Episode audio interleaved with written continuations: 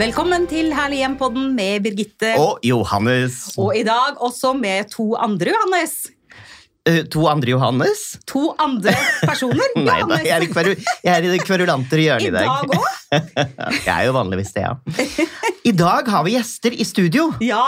For vi har fått besøk av to bokaktuelle kvinner. Mm. Forfatter, tidligere eiendomsutvikler og interiørkonsulent Karen Oppegård Farrell, velkommen. Tusen takk. Og fotograf og interiørkonsulent Anette Nordstrøm. Takk! Hei. Koselig at du er tilbake. Ja, tusen takk. Men nå er du her i et annet eh, ærend. Du har nemlig, eh, og Karen, har skrevet og tatt bilde til en bok. Country Lux, eh, A Private View. Det er riktig. Ja. En tjukk, nydelig bok. Jeg sitter her og holder den. Jeg kan nesten ikke holde den, den er ganske tung. altså. Det er skikkelig coffee En table book. En skikkelig coffee table book. Ja, vakker, vakker, vakker. Og da må vi jo høre Den er ute nå. Den er lansert. Eh, og eh, dere kjære lyttere skal få vite hvor dere kan få tak i den litt senere. Men la oss begynne med hvordan denne boken ble til. For det første, hvordan traff dere hverandre? Vi traff hverandre gjennom en felles venninne, og det begynte med at eh, mine barn sa mamma, dette er noe av det flotteste du har gjort noen gang, for jeg har bygget det huset som er i den boken. Og det er eh, tre og et halvt år gammel. Det ser jo, jeg har hørt at det ser mye eldre ut, da, så det var jo litt ålreit. Og så sier du nei, du får få tatt noen profesjonelle bilder, um, for dette her, her må du ha Så dette er, altså, dette er ditt hus i Surrey, i Surrey, hvor jeg bor. Hvor du bor fast. Mhm. Så nå er du hjemme i Norge på besøk, du da, Ja. eller på bokturné hos oss, Ja. blant annet? Ja, det er litt forskjellig. Ok, så du har, et, du har et nydelig hjem i Surrey. Barna, barna dine ønsket at du skulle dokumentere dette på ordentlig måte. Og så treffer du Anette på lunsj hos en venninne.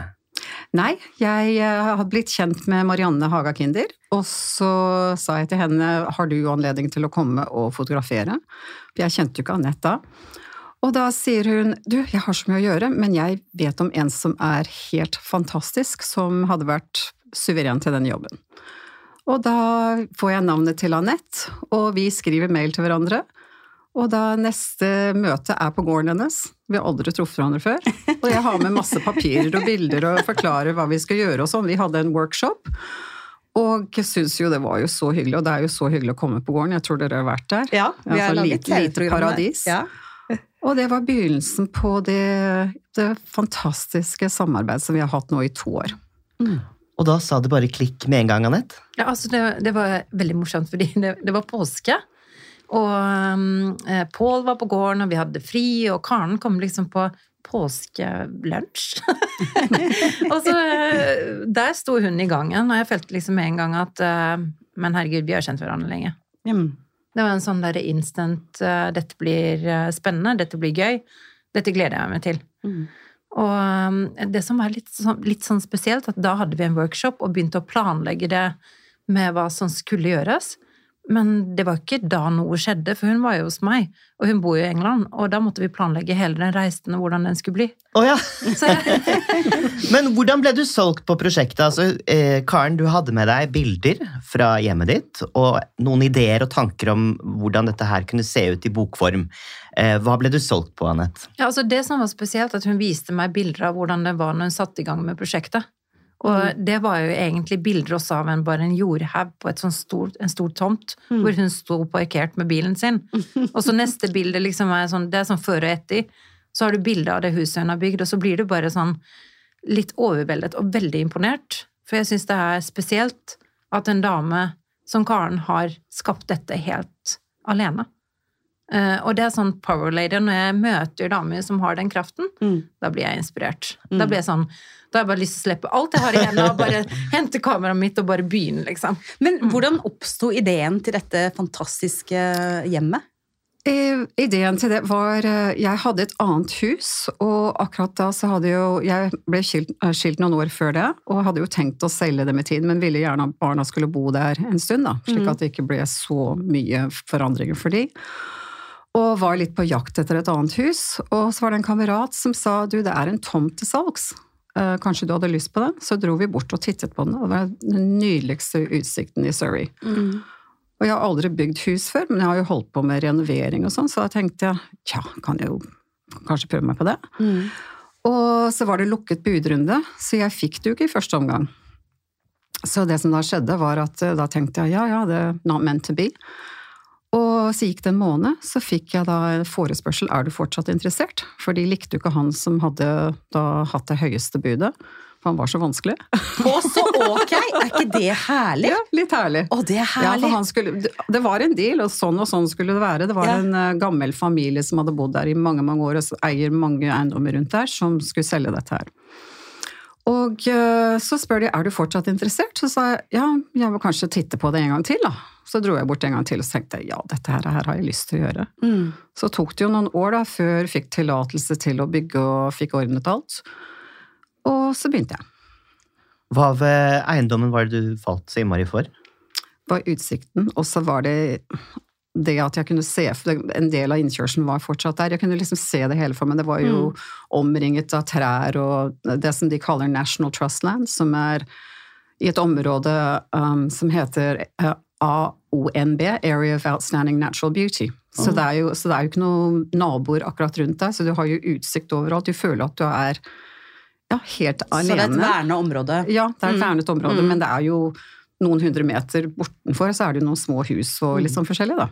Men da du visualiserte hvordan eh, huset, hjemmet, dette praktfulle stedet som eh, Vi skal prøve også å ta litt bilder og legge ut på Instagram-kontoen, så dere kan se eh, frem til dere løper og kjøper boka, for er, det er virkelig et praktverk og utrolig inspirerende. Men var det sånn at du med en gang visualiserte hvordan, hvordan det skulle bli?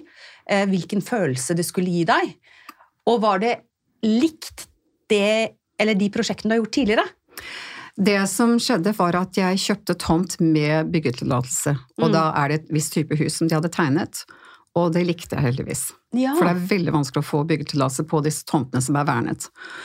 Og det, og det de hadde gjort, de hadde designet det, Hvis du ser på innsiden av coveret, så hadde de designet det og, og tok ut, øh, utgangspunkt i huset som opprinnelig var der i 1770-årene. Mm. Praktfullt, klassisk hus. Mm. Så det er, øhm, det er en mye mindre eh, et mye mindre hus enn det, men det er veldig mye av de samme detaljene. Det er, det er jo et gods, da. Man får jo en assosiasjon til liksom Downton Abbey. Det, Ja. Ja, Det er jo ikke så stort som det, da. Nei da, men ikke sant Men man tar vare på, på nasjonalarven, kulturarven, Mm, ja. ikke sant? Mm. I eh, Ja. mer moderne målestokk, kan man kanskje si? Ja, og så er det jo en historisk tomt, da. Så, og det har, det, har, um, det har ikke vært noe hus der siden 1959. Det var et hus til som ble bygget etter, etter dette som du så i boken nå. Mm. Det var et viktoriansk hus på over 2000 kvadratmeter. Wow. Uh, og det ble revet ned, for det var, uh, hadde ikke vært ivaretatt. Og ehm, så det, sto, det var jo ikke noe på tomten. Du kan tenke deg, I over 60 år så er det ingen som hadde tatt vare på det. Så du Mm. kunne jo ikke se de flotte trappene og terrassen og alt det som jeg har restaurert. Og eh, fått tilbake til så, Slik at det ser ut sånn som det var i gamle dager. Å, fantastisk. Så det var deler av det gamle huset til stede som du har i Nei, ingenting. Ingenting. For det er jo litt uh, gjengs i Det er litt vanlig i Storbritannia, er det ikke det? At disse store, enorme husene, har vi sett flere TV-serier om også, Mm. står og forfaller for ingen har råd til å holde dem ved like. Ja, det er det som er problemet. Mm. Jeg leser jo mange av alle disse bladene, så står det at de selger dem for liksom en slikk og en ingenting. Mm. Men det koster ganske mye å, å sette det i stand, da. Men det er, jo, det, er, det, er ikke ba, det er jo ikke et unikt tilfelle at de river gamle bygninger på landsbygda i Storbritannia. Ja, det eneste som sto igjen var ja, noe av det som var i haven, pluss et sånt lite Det som jeg nå kaller My Victorian Flower Room, som var um, uh, en aviary. Og det er sånn som de hadde eksotiske fugler i Victoria-tiden. Mm. Og den var sånn Ja, halvparten var jo, var jo falt fra hverandre. Men det var det eneste som sto igjen, med noe mursten. Ellers var alt borte. Men hvordan visste du hvordan du skulle eh, starte? Det er jo et enormt prosjekt. Ja, jeg sto på den jordhaugen, da. Den som inspirerte meg òg. Ja, Den og så så jeg utover, og så tenkte jeg ja, kanskje det er veldig fint å ha kjøkkenet her, og så skal jeg stuen her. Ikke sant? Og så ser du på lyset og hva som er, nord, eh, som er mot nord og sør og øst og vest, og hvor du vil ha de forskjellige rommene. Så det var i grunnen utgangspunktet. Og du vet, når du får eh, et hus som er tegnet, så har arkitekten alltid tegnet noen streker innvendig, så jeg gjorde om alt det. fordi at eh, Jeg skal kanskje ikke si det, men jeg syns veldig ofte det som arkitekter tegner, det er så lite praktisk. Å ja. Det var interessant. Ja, I hvert fall det som jeg har sett i England, da. Ja. Ja. Så it needed a woman's touch. Ja, det har det virkelig fått. Eh, Et praktfullt sted. Hvor stort er det egentlig? Eh, Det er på litt under 600 kvadrat. Ja, Så det er god plass. Det er god plass. God plass. Og da du fikk se bildene fra hjemmet til Karen, hva er det du så? Um, jeg så bare masse potensial og fantastisk uh, sjel. Uh, jeg tenkte bare sånn uh, Jøss, er det mulig? Ikke sant? Eh, for man blir jo, som jeg sa i stad, litt sånn overveldet. Og så tenker jeg nå har jeg bare lyst å gå løs på det. Ikke sant? Til alle døgnets tider, til alt type lys. Mm. Morgen og kveld og ettermiddag og alt som er.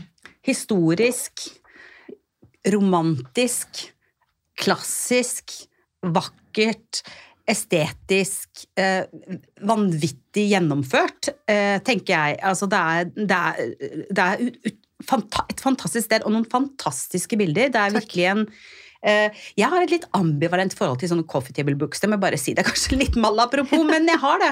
For av og til så syns jeg ikke det er så veldig inspirerende. Eh, og, det er ikke så mye nødvendigvis å se på. Men når jeg ser i boka her, så er det eh, det er så mye å se på. Det er så, det er så eh, detaljrikt, det er så eh, floralt. Går det an å si floralt? Blomstrende. Ja. Um, altså, det er virkelig en, en er virkelig, altså, Og vi er ikke, denne sendingen er ikke sponset, bare for å si det sånn. Men- du tror det var forlaget, det Det var bra ikke. du sa det. Men kan du ikke ta, ta oss med gjennom eh, noen av rommene i eh, huset? Kan dere ikke beskrive noen av rommene for oss, hvis vi begynner med inngangspartiet, eksempel? Ja, jeg tenker sånn at eh, Karen kan egentlig fortelle litt om eh, hvordan vi har bygd opp boken. Ja. For det handler egentlig om en vandring eh, gjennom eiendommene hennes, og hva tanken har vært bak. For da er det litt sånn, da forteller hun litt om rommet nå. Ja, um, så da etter at vi har tatt disse tusenvis av disse bildene, eller Anette har tatt de, så, så tenker vi som så, så hadde jeg en liten idé. Jeg hadde lyst, for jeg, veldig, jeg liker veldig godt å ha gjester. Um, og da tenkte jeg at dette her er a private view, der noen leseren kan komme på besøk og er hos meg en helg. Mm. Så sånn er det bygget opp. Så man ankommer, og det, det første jeg vanligvis gjør, er at du kommer inn på kjøkkenet. Og der er det, hvis jeg har tid, da er det hjemmebakt kake og kaffe eller kaker eller bobler eller hva, hva det nå skal være. Og så går vi da en tur rundt i haven, for haven måtte jo også opparbeidet, så jeg var jo ikke noen gartner, så jeg har jo måttet lære meg masse med det, og nå er jeg jo innmari glad i det. Jeg sitter jo på den gressklipperen i flere timer, ikke sant, og så mye som skjer der. Og, og så er det liksom å ta deg gjennom hele huset på den måten. Jeg hadde jo tatt, Folk sier 'Å, kan ikke du vise meg huset?' Så, så går vi da inn på de mer formelle rommene, for det er jo en formell stue og spisestue. Men hjertet av huset er jo kjøkkenet. Det er det jeg er mest glad i. Det er også et lite familierom i forbindelse med det. Og så er det da også ta de med opp til gjesterommet, for der skal de jo der skal de overnatte. Og da leste jeg en gang for mange, mange år siden at uh, dronning Sonja, um, etter at hun pusset opp på Slottet, så, så uh, tilbrukte hun en natt i hver av de soverommene for å se at gjestene hadde alt de trengte. Og det hadde jeg gjort på det soverommet her Nei. på gjesterommet. så jeg liker jo at alltid skal liksom alt være til stede. lady of the manor Lady make the sure Yes, that guests are ivaretatt. Ja, for tjen tjenerne var jo ikke til stede da. Nei, ikke sant, ikke sant. Men beskriv f.eks. for eksempel kjøkkenet for oss, for okay, lytterne. Kjøkkenet er så Det som jeg pleier å gjøre veldig mye når jeg driver med interiør, er at, jeg, at det er veldig nøytralt med vegger. Um, og maler ofte samme farve på, lister, tak, um, vegger og Ja. Og da så legger jeg på farger, for da har jeg mulighet til å forandre det. Og så tenker jeg også, som så, i og med at jeg har drevet med eiendomsutvikling, så bor jeg veldig ofte i en eiendom selv, og så selger jeg det etter en del år. Og da er det mye lettere å selge hvis det er litt nøytralt. Um, det med kjøkkenet for meg, det er vel der jeg oppholder meg mest, og da skal det være et praktisk sted, men jeg vil også at det skal være et vakkert sted å være, sånn et godt sted å være og koselig. Og der er det peis, um, der er det en fin sittegruppe, det er en TV, men den er gjemt i et skap, for jeg liker ikke å ha de fremme. um, og så er det en stor øy i midten, for det er så praktisk, for der kan du Jeg syns det er så gøy når alle lager mat sammen. Og særlig barna nå som er voksne, når de kommer hjem, så, så gjør vi det sammen. Og det er, det er sånn Ja. communal cooking, som vi kaller det på engelsk. Jeg vet ikke hva det heter på norsk. Um, og det er et godt sted å være, og det er også innslag av oransje og gult og litt sånne friske farver. Mhm. Ja. Og så er jeg så heldig at jeg har et svømmebasseng, så da kan du åpne opp og Da er det sånn, ja, sånn at, du, at du får med deg Da er det mye gult rundt det bassenget, slik at samme fargen, at det er litt samstemt med ute og inne. Fantastisk. Det er, jo, det er et drømmested.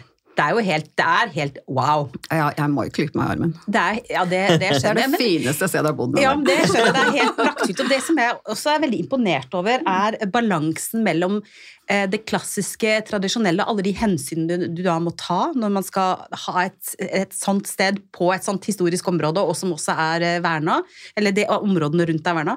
Men samtidig så er det moderne. Det er liksom, du kan se at det, ja, altså, det funker. Det er liksom ikke, det er ikke 1700-tallet eller 1800-tallet. Det er, det er eh, i dag, liksom. Og det, det synes jeg, jeg synes det er balansen mellom det klassiske og det moderne og funksjonelle er veldig imponerende at du har fått til. Eller at, Tusen ja, takk. virkelig.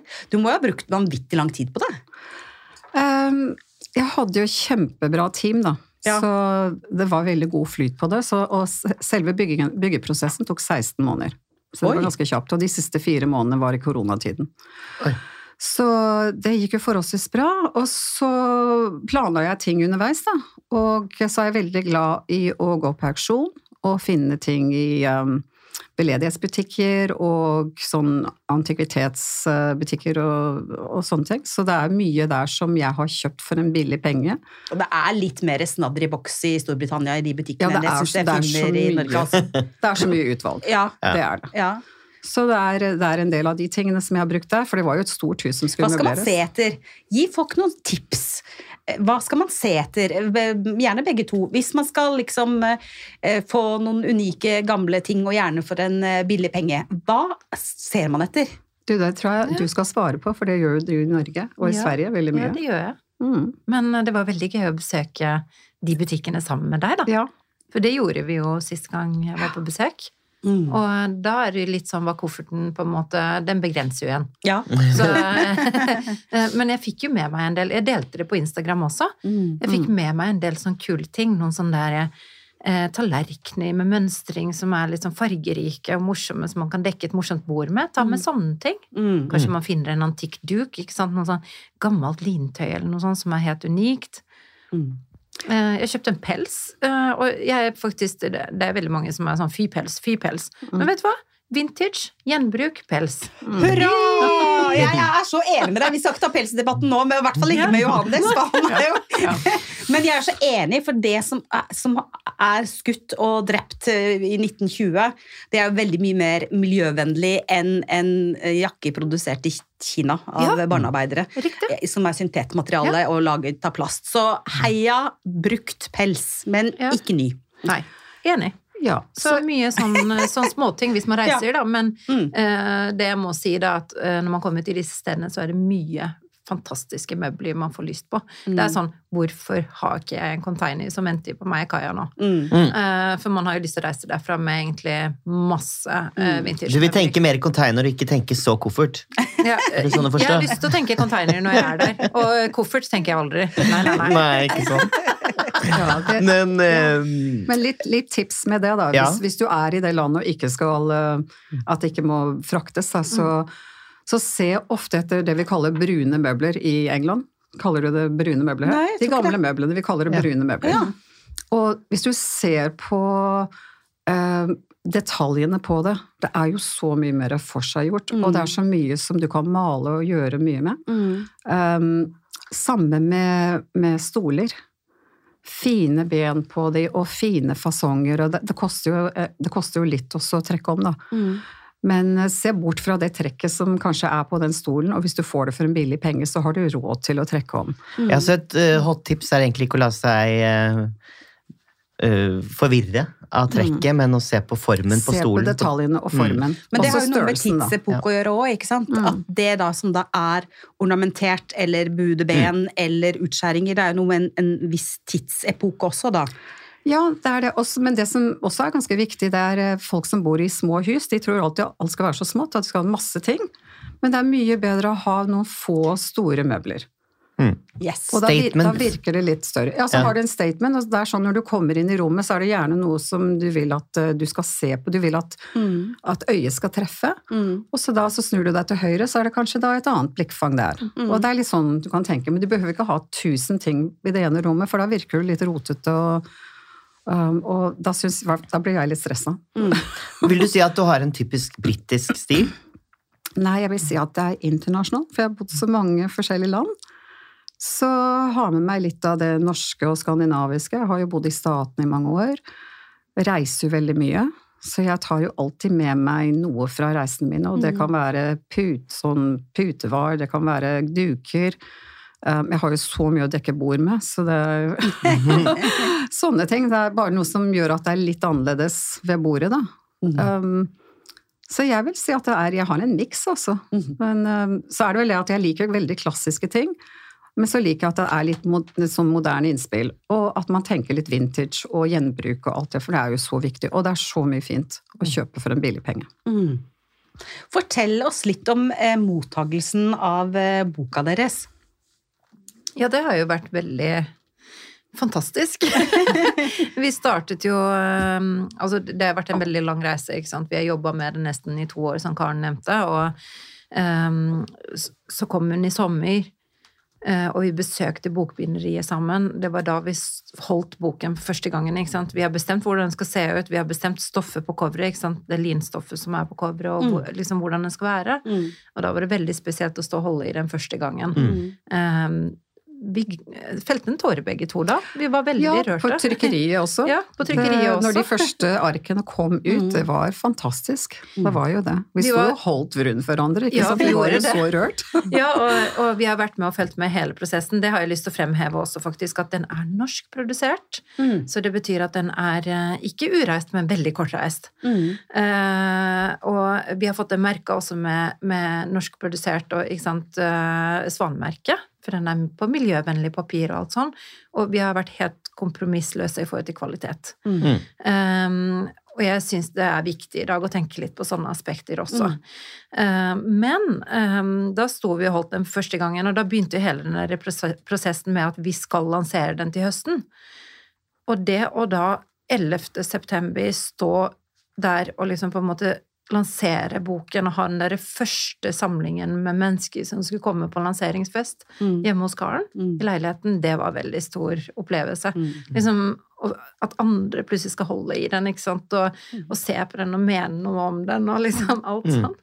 Og da var det jo starten på en to uker lang eh, publiseringsturné. Uh, det, det var helt fantastisk. Mm. Og feedbacken etterpå har vært helt overveldende, og det er da man kjenner liksom på at alle de arbeidstimene man har lagt ned, da, for Mm. det er ganske mange timer som har gått med for oss begge to. Mm. Eh, Så da var det liksom verdt det. I den grad man kan snakke om eh, hva som var målet ved boka. eh, Hadde dere et definert mål? Ikke sant? Ved denne boka så ønsker vi å Inspirere. inspirere. Mm. Mm. Og jeg, det, det er det som gjorde at jeg tok tak i den uh, reisen med Karen også. Og sånn. For jeg syns hele prosessen var inspirerende. Mm. Mm. Det var inspirerende å, å jobbe sammen med Karen. Det var inspirerende når vi jobba sammen. Mm. Uh, og det var veldig inspirerende å få lov å skape noe som skal inspirere andre. Så inspirasjon er jo egentlig hovedverdiordet i hele prosjektet. Ja, det er gøy. Ja. Og, men det er litt fordi denne boken er, det er interiør, men det er også mat og oppskrifter og eh, litt skildringer. Kan dere ikke fortelle litt om teksten og hva dere forteller eh, med også bild, altså tekst og bilder sammen? Ja, så det som skjedde var at jeg hadde jo eh, litt idé om hva, hva jeg skulle skrive om, da. Og vi pass, tilpasset bildene til det, for vi hadde jo så, så mange bilder å velge mellom. Vi måtte velge bort. Hvor mange Mm. bilder var det? Ganske Altså, vi hadde en, um, en mappe på rundt 450 godkjente, gode Ja. bilder. Wow. Som skulle galdres ned til 160. Mm. Så det er en ganske brutal utvelgelse, men da er det jo viktig å ha teksten i bånn. Ja. Mm. Så for eksempel um, kan snakke om et, et kapittel som er et av yndlingskapitlene til, eh, til Anette, og, og det er eh, noe som jeg har gjort i haven, faktisk. Det er at jeg har bygget, fått bygget et sånt uh, log wall, heter det på engelsk, og sånn um, hva kaller du det her, insekthotell, men det er ganske stort, så det er sånn at du kan gå igjennom det. Så det er liksom avslutningen på den mer formelle delen av haven.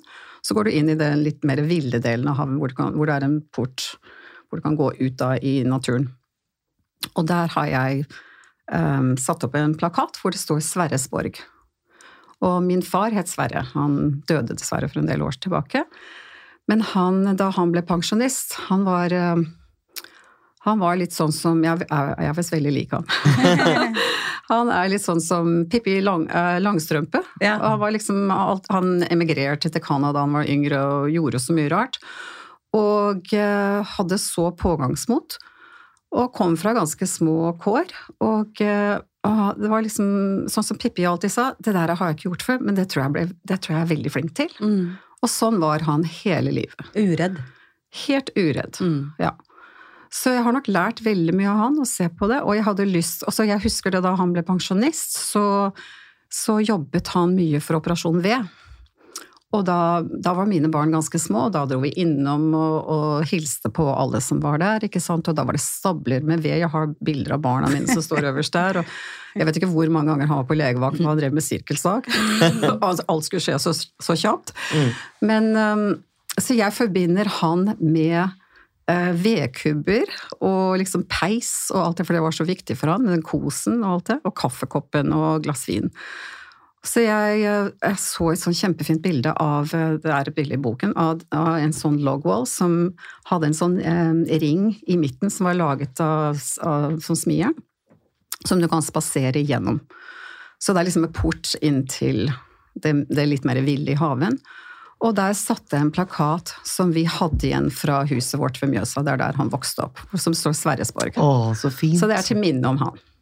Det er vakkert. Vakkert. Ja så, det er liksom, siden ja, så det er noen sånne historier i, i boken. Det er Jeg skal ikke eh, røpe alt, men man spør alltid hvordan begynte Kanskje jeg skal fortelle det.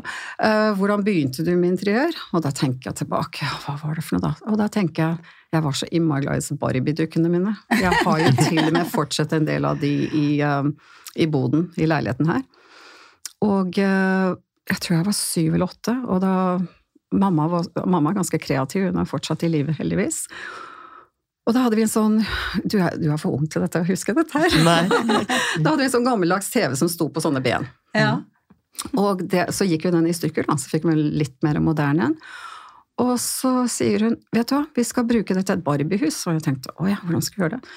Tok ut all innmaten. Så da fikk du et sånt kjempefint vindu, da. Lagde gardiner. Så smart. Så lagde vi eh, møbler Hun lagde jo det meste, jeg var jo litt med, da. Mm.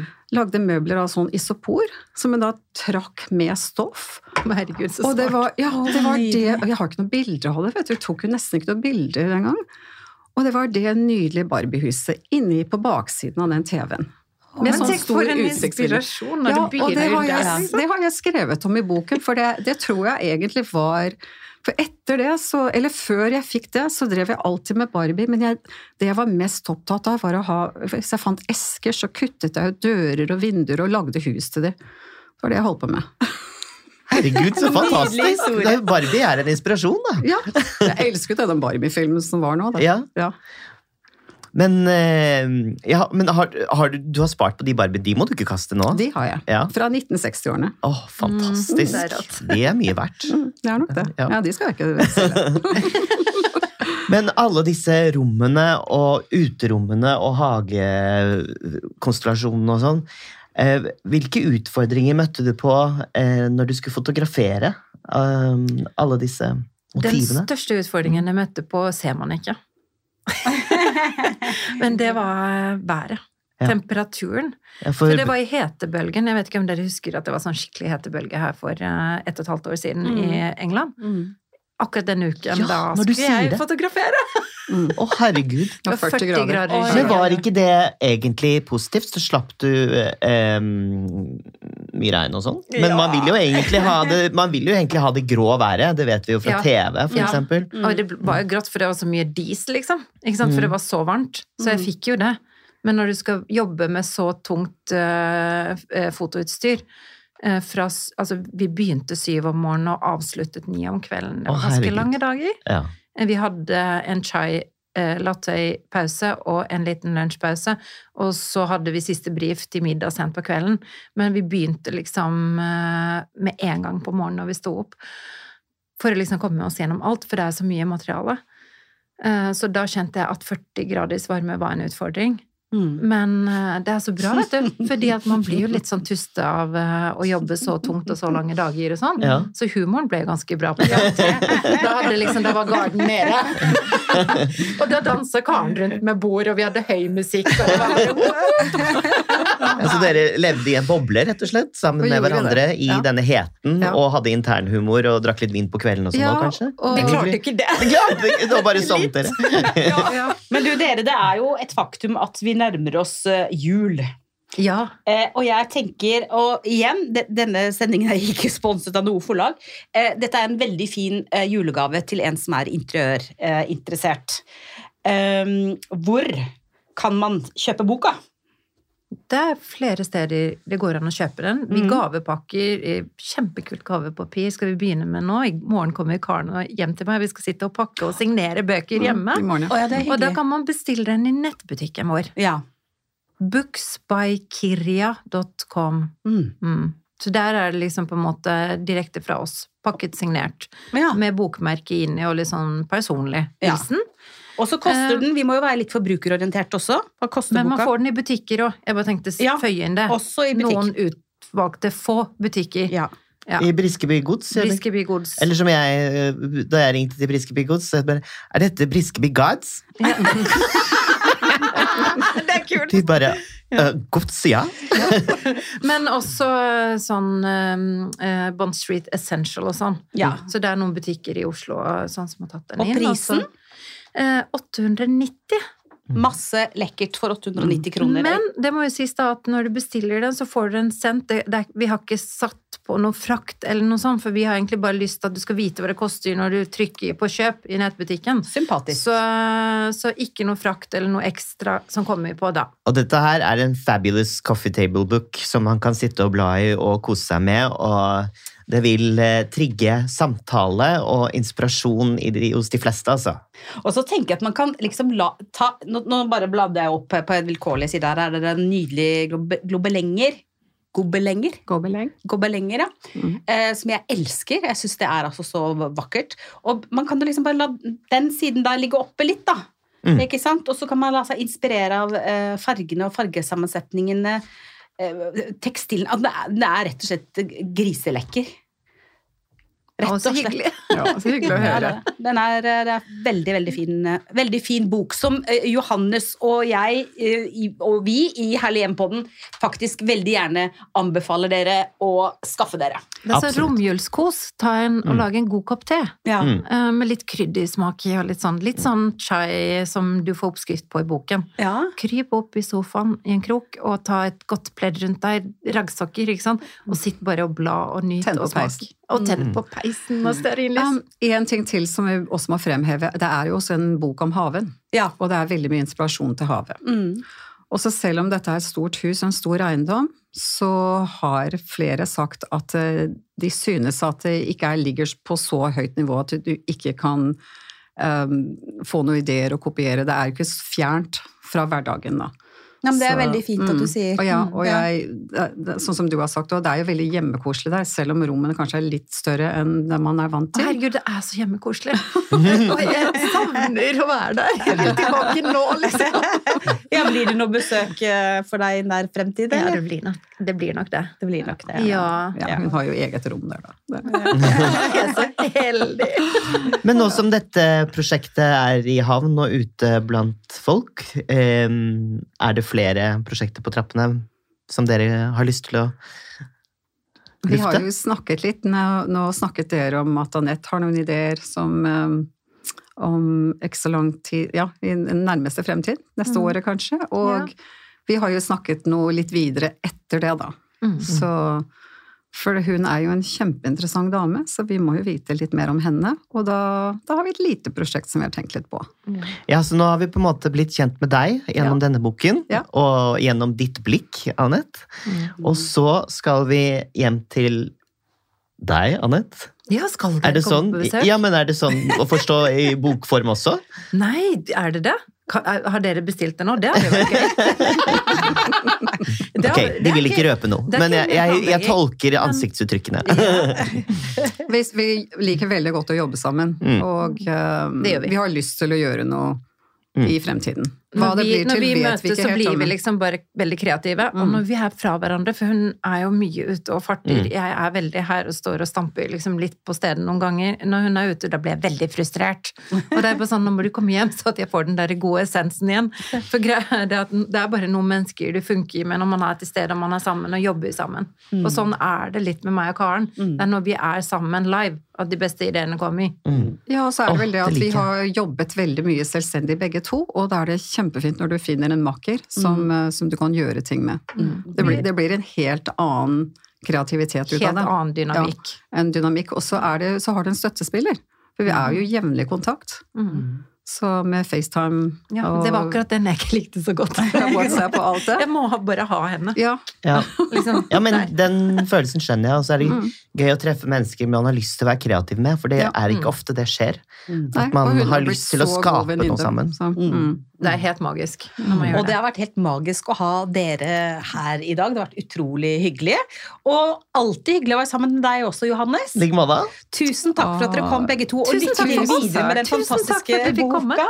Ja. Og så er vi, kjære lyttere, tilbake allerede om en uke. Tusen takk for råd og innspill. Kom gjerne med ønsker hvis det er tema dere ønsker at vi skal ta opp. Og husk, kjære lyttere, ta vare på ditt herlige hjem, stort eller smått.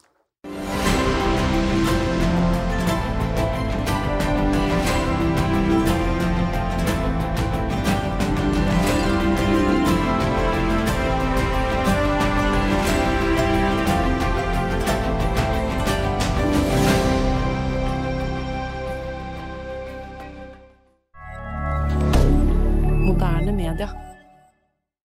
Har du et enkeltpersonforetak eller en liten bedrift? Da er du sikkert lei av å høre meg snakke om hvor enkelt det er med kvitteringer og bilag i fiken, så vi eh, gir oss her, vi. Fordi vi liker enkelt. Fiken superenkelt regnskap.